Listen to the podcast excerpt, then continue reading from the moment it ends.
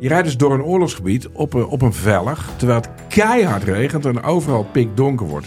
Nee, we durven niet te stoppen. En je- eh, ja, eh, Joep is nooit bang. Joep Vermans, de kamerman, die was nu ook echt bang. Via podimo.nl slash gonzo luister je de eerste 30 dagen gratis naar Podimo. podimo.nl slash gonzo. De strijd om de miljoenen van Siewert van Liende is losgebarsten.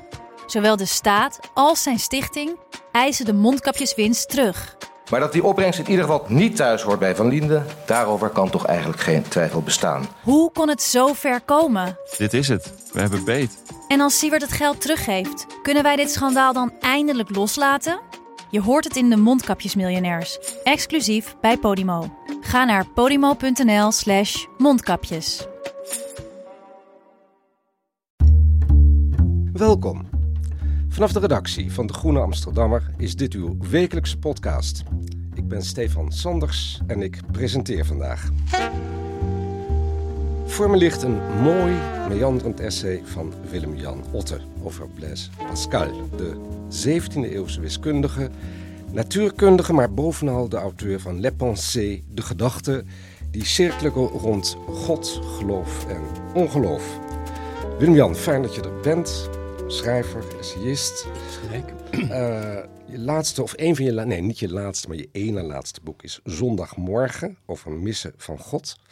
Daar kreeg je een prijs voor, de Theologieprijs, meen ik. Theologieboek van het jaar. Eh, de Groene Lezer kan je kennen eh, en wij kennen elkaar ook, want naast bekend schrijver ben je ook een vriend en ondertussen ook een kerkvriend.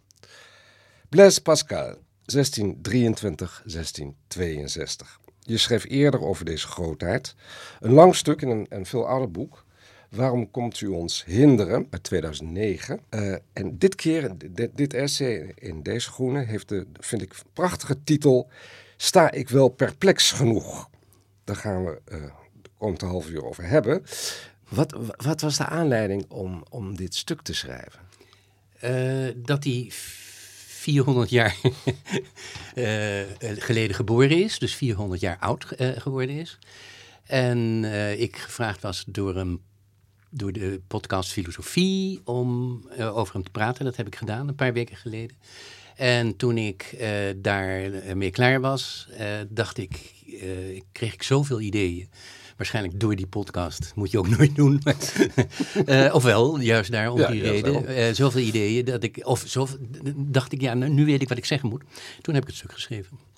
En, maar het is een, eh, eigenlijk een voornemen van me geweest vanaf de eerste keer dat ik hem leerde kennen. Om eens in het decennium of zo, als, je, als ik nog zoveel tijd heb, eh, over hem te schrijven. Het is, een, eh, het, is, het is goed voor een essayist om eh, eens in de zoveel tijd over, zelfs heel, heel belangrijk voor een essayist, om eens in de zoveel tijd, omdat, je hem, omdat hij per definitie niet klein te krijgen is.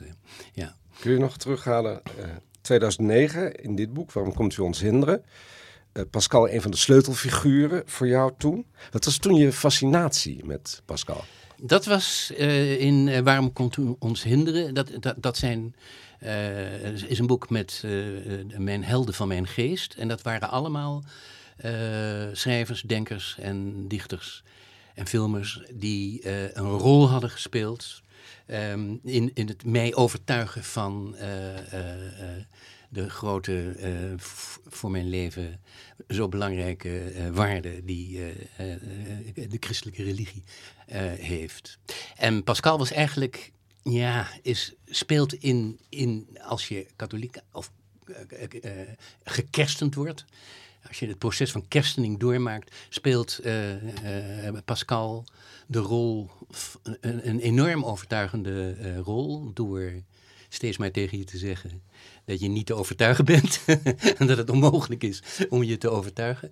En, ehm, ehm, maar, en hij heeft me ook niet overtuigd. Maar ik heb wel a- aan de lectuur van eh, eh, Pascal toen overgehouden eh, dat de positie, de, de, het, het, soort, het soort geloof wat hij uitknobbelt in zijn, eh, in zijn boek, dat dat eh, niet het mijne is, maar dat ik er ook nooit omheen zal kunnen. Het is een, eh, er- er- er gaat een soort ijzeren heinige aantrekkingskracht van uit, die, eh, die, eh, die, die je moet overleven meer dan dat je de. Hè, dus waar je, waar je, waar, ja, je kunt er ook niet doorheen, maar je moet hem. ehm, je moet hem, ja, je, moet, als je een beetje met je verstand, wat niet kan, katholiek wordt, moet je, moet, moet je, moet je, ja, kun je niet anders dan hem aangaan. Ja. Het gekke is dat hij, ehm, Pascal, nou dat schrijf je ook in, in dit essay, ook een van de grootste wiskundigen en natuurkundigen van zijn tijd was. Hè? Ja. Echt de, de man van de reden. Ja. Eh, hè, Pascal, dat is een, een eenheid voor luchtdruk. Eh, andere dingen die hij echt heeft uitgevonden, in hoog aanzien. Hij zou verschillende eh, Nobelprijzen gekregen hebben in zijn tijd. Ja. En dus tegelijkertijd die, die, ehm, dat ongelooflijk radicale cirkelen rond God. Ja. En dat zag hij niet als een tegenstelling, kennelijk. Eh, ik weet niet of je het niet als een tegenstelling, maar het, het ehm, eh, ja, dat, is, dat, is, eh, dat, dat, dat, dat maakt hem ook zo, zo fascinerend dat hij in een, op, eigenlijk op het moment dat het atheïsme, dus het, het, het wetenschappelijker worden van het wereldbeeld, zo begon eigenlijk zijn, zijn, zijn, zijn, eh, die grote omwenteling eh, eh, te veroorzaken. Dat, juist, dat hij juist een van de allerwetenschappelijkste en, en meest empirische wetenschappers van zijn tijd, die, die eh, ehm, dat gevaar voelde daarvan. En, en dat gevaar, het gevaar wat hij voelde is dat, dat, dat mensen hun geloof zouden verliezen of niet tot het geloof zouden komen. Eh, en dat gevaar, dat hij, als het ware. En dat zijn de pensées geworden. En dat... Eh, en, omdat je dat nu ook nog altijd ruikt, dat gevaar. Hè, het, het, is, het, is, eh, het, is heel erg moeilijk om niet eh, eh, eh, op het ogenblik eh, eh, met, met, met, alle, met, alle vruchten van de wetenschap die, eh, die, we, die, we, die we plukken. In de vorm van eh, eh, eh, rampen, ecologische rampen, zal ik maar zeggen, en eindtijdgedenk. Eh, eh, om niet, eh, eh, eh, ja, eh, heel, eh, het, traject van eh, Pascal te willen, kennis daarvan te nemen. Mhm. ja, ja. Ik, ik, ik vroeg me ook af, je bent volgens mij als ik het goed heb, volgend jaar 40 jaar katholiek. Nee, nee, nee, Nee? 25 Ah, jaar. sorry, 25 Ja, jaar. 25 Ja, jaar, ja, nee. 25. Ja, nou, je, bent, je loopt mij, je bent heel een stuk voor op mij, hè, want ik ben het nog lang niet zo lang. Je, bent, je deed het veel eerder dan ik. Dus, maar goed, dat kan me ook voorstellen dat het 25 jaar geleden voor jou, je was een essayist, eh, bekende essayist, de, de kerk der reden en van de kerk van NRC. eh, daar stond je ook voor. eh, en heel erg mooi, zoekend, tastend, maar nooit ehm, tuig, overtuigend of getuigend. Dat is veranderd door het katholicisme, door je geloof. Was daarom Pascal ook voor jou zo'n belangrijk ankerpunt? Ja, het, was, het was dubbel. Je, je, je, ik las ehm, in die jaren negentig ehm, ook met vrees en beven. Eh, oh, oh, dus dit is de consequentie. Dit is een consequentie van. eh, eh, ik, eh, dus ik, heb er vijf jaar over gedaan om katholiek te worden. En steeds maar geworsteld. Hè, echt, echt argumenten gezocht om het maar niet te worden. En dat, vijf jaar lang. En dat, dat, dat is een, soort deins was dat. Deinsjaren kun je dat noemen. En in dat jezelf waarschuwen. Pascal is de. eh, ehm, do- doordat hij zich voortdurend inleeft in, eh, in, in hoe het is om niet te geloven. En dat was in feite wat ik zelf ook deed. Ik, ik, ik probeerde met, met, met, met een soort uiterste krachtinspanning niet. En, en, en ik zat te wachten op het definitieve argument, et cetera. En toen kwam, toen kwam Pascal om mij te vertellen dat dat niet bestond. En dat het daar ook precies om gaat, om dat eh, eh, eh, niet kunnen beredeneren van je geloof. Er is geen godsbewijs. Ja. Ja. Blaise Pascal, kun je een, een schets geven van de man? De grootheid. Dus ook in wetenschappelijke zin, in theologische zin, ook in zijn levenszin. Want hij, hij was ook lid van een, ja, van een denominatie. Ja, hij was een, een wetenschapper, 17e eeuw. 17e eeuwer. Hij ehm, ehm, leunde door zijn zussen en, en zijn familie aan tegen een eh, soort lekengemeenschap, een soort eh, klooster, Port Royal geheten. En eh, dat was een, een ehm, Jansenistisch georiënteerde. Dus je moet je voorstellen, dit speelt zich allemaal af aan het, aan, aan het eind van de, van de, van de Reformatie. Eh, eh, overal in het noorden van Europa eh, eh, werd iedereen eh, protestant. En eh, in eh, eh, Frankrijk eh, werd, die, werd, dat, eh, eh, eh, ehm, eh, werd dat Lutherse, zal ik maar zeggen, eh, binnen de kerk eh, eh, vertegenwoordigd door het Jansenisme. Dat is een tamelijk stijl soort voorbeschikkingsgeloof. en eh, daar, eh, daar leunde hij tegenaan. Dat heeft hij ook verdedigd, dat Jansenisme. Ehm, eh, eh, en terwijl hij daar eh, ziek werd in de tweede helft van zijn leven. Hij heeft natuurlijk maar twintig jaar kunnen werken, vanaf zijn negentiende tot zijn 39ste. En Gestorven op zijn 39ste. op zijn 39 onvoorstelbaar. maar goed, hij is nu 400, dus dat, dat compenseert. hij, hij is er altijd nog. Nee, het is onvoorstelbaar. En in die eerste tien jaar heeft hij grote wetenschappelijke ontdekkingen en wiskundige, wat, wat eigenlijk nog verbijsterender is, wiskundige bewijzen geleverd. En de tweede helft, nadat hij een soort religieuze ervaring heeft gehad, de tweede helft van zijn leven is hij gaan wijden aan het, eh, eh, eh, eerst aan het bestrijden van de Jezuïeten, waar hij een, een, een, een broertje dood aan had. Katholieke orde. Een katholieke orde. Ehm, en dat, een strijd die hij ver- verloren heeft. De Jezuïeten hebben gewonnen, zal ik maar zeggen. En eigenlijk heeft hij, al, heeft hij überhaupt niet zoveel... Het is, het is een soort nederlaag die hij geleden heeft met dat gedenk van hem. En het laatste half jaar van zijn leven is hij gaan werken...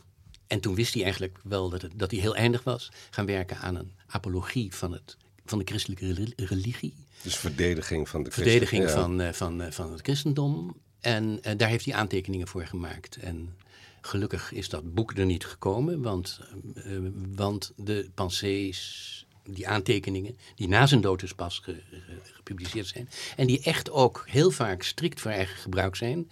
En soms ook niet. Soms zijn het hele, hele, voel je dat het een heel hoofdstuk aan het worden is van die apologie.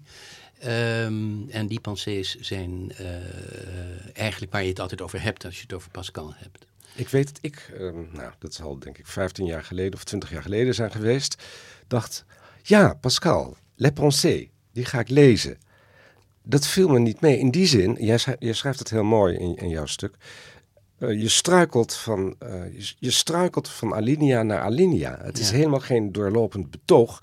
Het is heel aforistisch. Het zijn korte indrukken, korte schetsen, korte gedachtegangen die vaak ook vastlopen. Dus het hele idee wat ik had, is oh, ik krijg een soort Augustinus, maar dan van de 17e eeuw, met een één groot lang betoog. En dat is het in het geheel niet. Nee, het, het, nee het, eh, sommige, sommige blokken wel, maar die sla je vaak over. Dat zijn de meest apologetische blokken. Ik heb dezelfde neiging om die... eh, het is een schrijver die, eh, waar je in eerste instantie overslaand leest. Er zijn er meer hoor, die zo zijn. En, eh, maar hij, je, je, het is een, een bak teksten zijn het, 500 pagina's of zo. En de allereerste keer dat je hem leest, ja, slalom je, slalom je echt. En eh, dat noemt, ehm, en dat was in mijn geval, dat was in, in, in de jaren 70 al, dat ik hem de eerste keer las. Zo'n 74 of 75. Eh, dan lees je hem minus God, zoals uh, Kellendonk dat noemt. Frans dat kan heel Kellendonk, goed. Frans Kellendonk, Ja, Frans schrijver. Ja, Kellendonk dat het noemt. Ja, ja, dat moeten we erbij zeggen, ja. Ehm, Voor eh, onze jongere luisteraars is dat. ja. Grappig, ja. Maar ik hou, heel erg, ja, ik hou zelf heel erg van schrijvers die, eh, die niet samenhangend zijn. Het is eigenlijk voor je denken veel beter als het vertoog wordt weggelaten en de, de, de, de kerngedachten eh, eh, overblijven, zodat je zelf de sprongen kunt maken. En wat dat betreft is het heel grappig. Pascal denkt heel erg over de vrije wil. Dat is eigenlijk, eigenlijk denk ik, zijn, zijn, zijn belangrijkste thema. Wat, hoe is het toch mogelijk dat alles voorbeschikt is en we toch verantwoordelijk zijn voor wat we doen? Wat dat betreft is het een, eh, een, eh, de vader van Dostoevsky, zal ik maar zeggen, in zijn... eh, Russisch schrijver, ja. Russisch schrijver, ja, van eh 19e eeuw. We kunnen niet voorzichtig genoeg zijn. Inmiddels. inmiddels. Ehm, eh, en ik loop altijd vast, want mijn hoofd is eigenlijk ook een soort van niet helemaal tot zijn conclusie leidende zin. Ik heb altijd het gevoel dat ik één lange zin maak. Sinds ik. Sinds je geboren bent. Ja, ja, Sinds je geboren één bent. zin soms nu dan af, onderbroken door. zo nu dan onderbroken door een, een weldadige interviewer. Die gewoon vraagt: waar heb je het nou ook alweer over? en dan. ehm, ik, ik ben hem een beetje kwijt, het begin van de zin. Maar eh, pa- eh, ik hou van. eh, ehm, en, van, van, van, van ehm, werken. Nietzsche is ook zo'n werk. En eh eh Sirouin is ook zo'n werk. En eh, je, je, moeten we wel even toelichten. De die moeten we even Romeins, doorlichten. Dat is, Franse dat is, filosoof. Franse filosoof weer die, die, die zonder, veel, veel meer zonder God denkt dan... Hoewel ik daar niet helemaal zeker van ben bij Sirouin dan Pascal. Maar be- bewondert Pascal heel erg vanwege wat hij noemt, Sirouin, de heilige bondigheid. En dat idee van de heilige bondigheid, van dat, dat je denkt naar ja, zich, zich- zichzelf bijna vastdenkende, eh, kernachtige formuleringen waar geen spel tussen te krijgen is. En eh, eh, waar je ook een beetje eh, verontrust van, van raakt. Dat, dat, dat, ja, dat vind ik heel erg goed van Pascal. Ik zou ook heel graag zo. Je zou ook heel graag zo een stuk over Pascal willen schrijven. Nou, dat is je volgens mij gedeeltelijk gelukt. Mm, Ja, maar ik, ik, ik- nee, ik, ik, ik, ik voel me als, als ik voor, voor, voor, voor, een, voor, voor, voor een kant als de, de eh, Groene schrijf, toch altijd wel heel erg verantwoordelijk voor de alinea's tussen mijn gedachten. Omdat je Die denkt... schrijf ik dan toch wel. En dat doet Pascal. Ja, ja. Nee. Pascal zou het gedaan hebben als het boek er gekomen was. Maar eh, Ja. Ja. En als hij voor de Groene Amsterdammer had geschreven, had hij dat zeker moeten doen. Want de meeste Groene Amsterdammer lezers zijn niet helemaal of heel erg thuis in de christelijke leer. Ja, dat is waar. Ja, ja. Dus dat, dat didactische wat je altijd hebt als je over, over iemand als Pascal schrijft en over de kern van zijn eh, denken schrijft, dan moet je heel veel uitleggen. En dat is gewoon, dat doet hij niet. Nee. Niet op die manier. Hij, hij heeft een, eh, zijn, zijn religie, als je dat zo kan zeggen, is een hele droevige. Ik, ik eh, citeer hem, eh, ook uit jouw stuk, maar het is van Pascal. Stel u een aantal geketende mensen voor die alle ter dood zijn veroordeeld. Iedere dag worden er onder de ogen van anderen enkele omgebracht. De overblijvenden zien wat hen zelf te wachten staat. Vol smart en wanhoop wachten ze hun beurt af. Dat, dat, dat is eigenlijk zijn, zijn kernzin over zijn geloof, of ja, het geloof zum tode. Het geloof Ja. tot aan de dood. Ja. Hij, zegt, hij zet erachter, eh, dat heb ik niet meegeciteerd. Dit is de situatie van de mens, of dit is de staat van de mens. Ja, En eh, ja, dat is waar, er is geen spel tussen te krijgen. Dus dit is helemaal correcte beschrijving van hoe je, hoe je eh, eh, eh, kunt kijken naar je leven.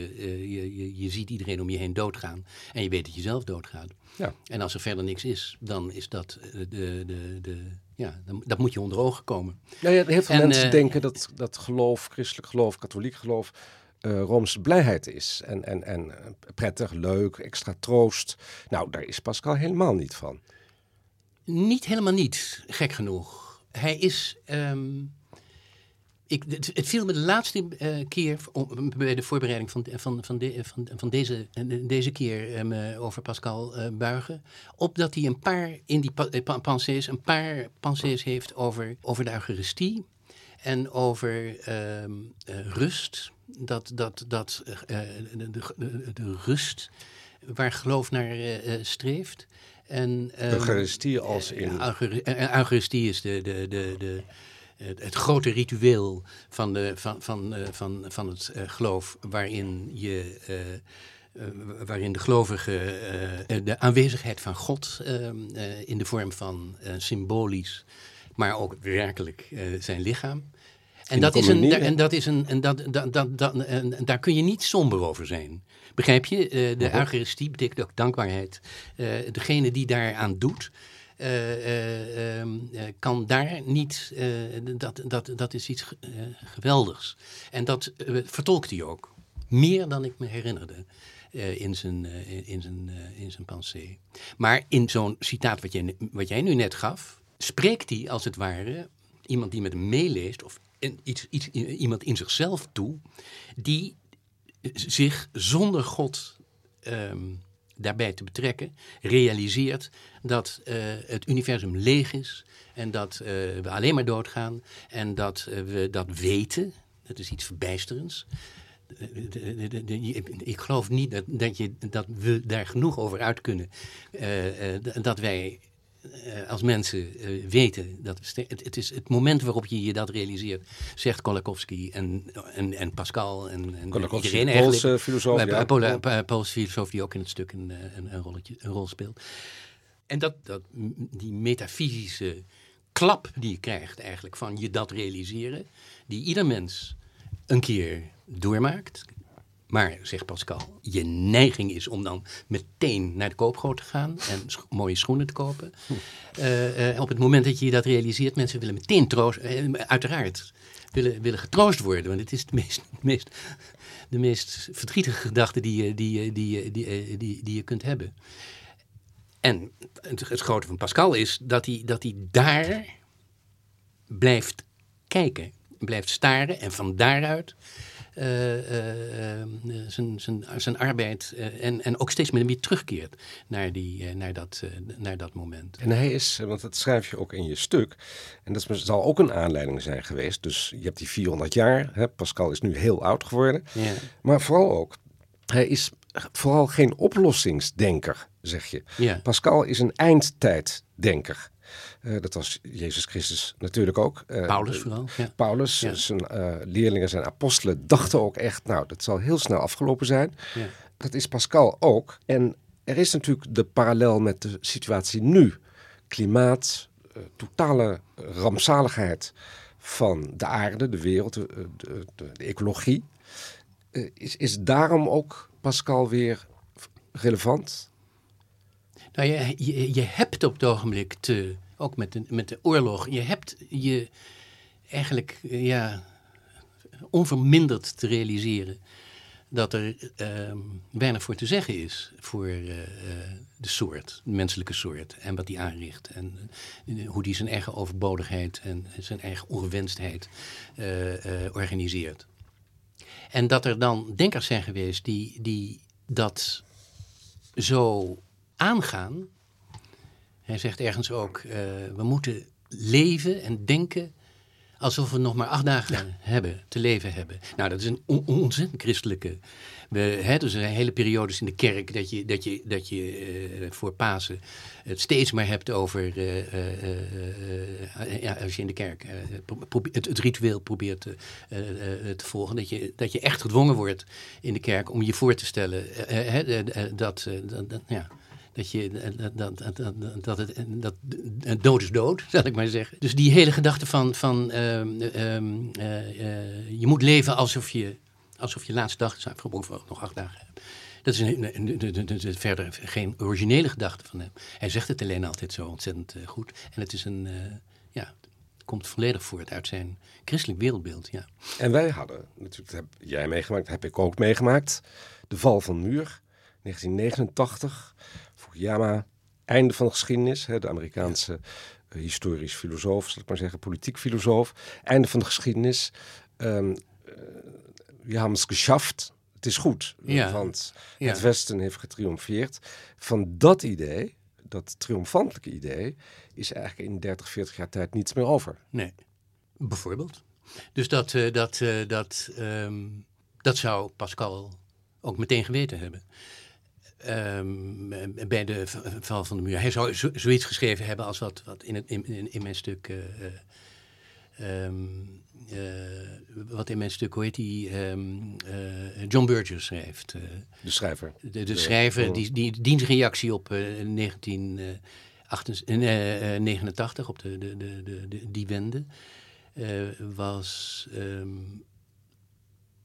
omdat, om, om- omdat alles overwinning en oplossing, het leek, het leek wel alsof alles opgelost was. Opgelost, ja. En hij zei, eh, het, eh, eh, het tragische, het, het woord tragedie of tragisch raakt niet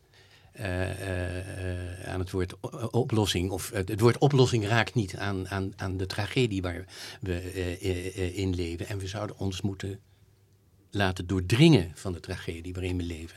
En de- wat hij met tragedie bedoelt, het is niet ongelijk aan wat eh, eh, Pascal eh, met de staat noemt, waar we het net over hadden. De staat die van de kerker mens. en de staat van de mens. Ja, Het mooiste citaat, het meest bekende citaat van Pascal is toch dat, ik vertaal het maar even zo, je hebt het ook zo vertaald.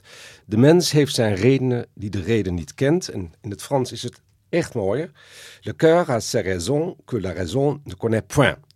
En Ja. dat mooie is natuurlijk dat, dat raison en, en eh, nou ja, raison is reden, maar het is ook reden in het Nederlands. Ja. En, en in het Frans is meteen het hart. Ja, Er is een tegenstelling tussen het hart en de reden. ja. Hoe zit dat bij Pascal?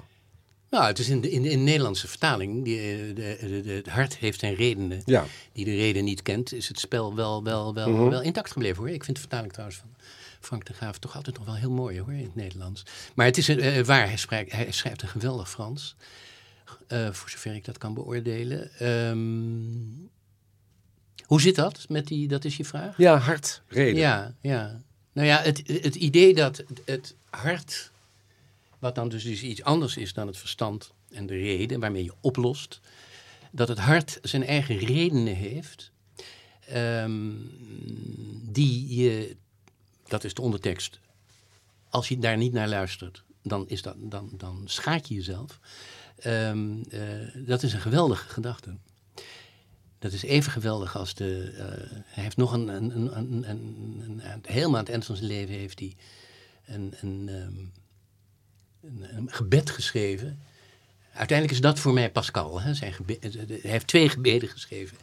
Mystère de Jésus heet het ene. En het andere is eh, eh, Prière pour dem- de- demander à, bon, à, à- Dieu ehm, pour le eh, bon usage de mes maladies. Dus een, hij vraagt daarin om, eh, eh, ehm, om, om goed aan God, hij vraagt aan God om goed gebruik te leren maken van zijn ziekte. Dat, dat is een soortgelijke gedachte als de redenen van het hart. Het idee dat er in de ziekte, in, in, in, de zwakheid, in het niet functioneren, niet, niet, eh, niet meetellen van, je, van jezelf, dat daar iets verscholen zou kunnen zitten, wat, wat, wat je van God zou kunnen leren. Dat je daar goed gebruik van maakt.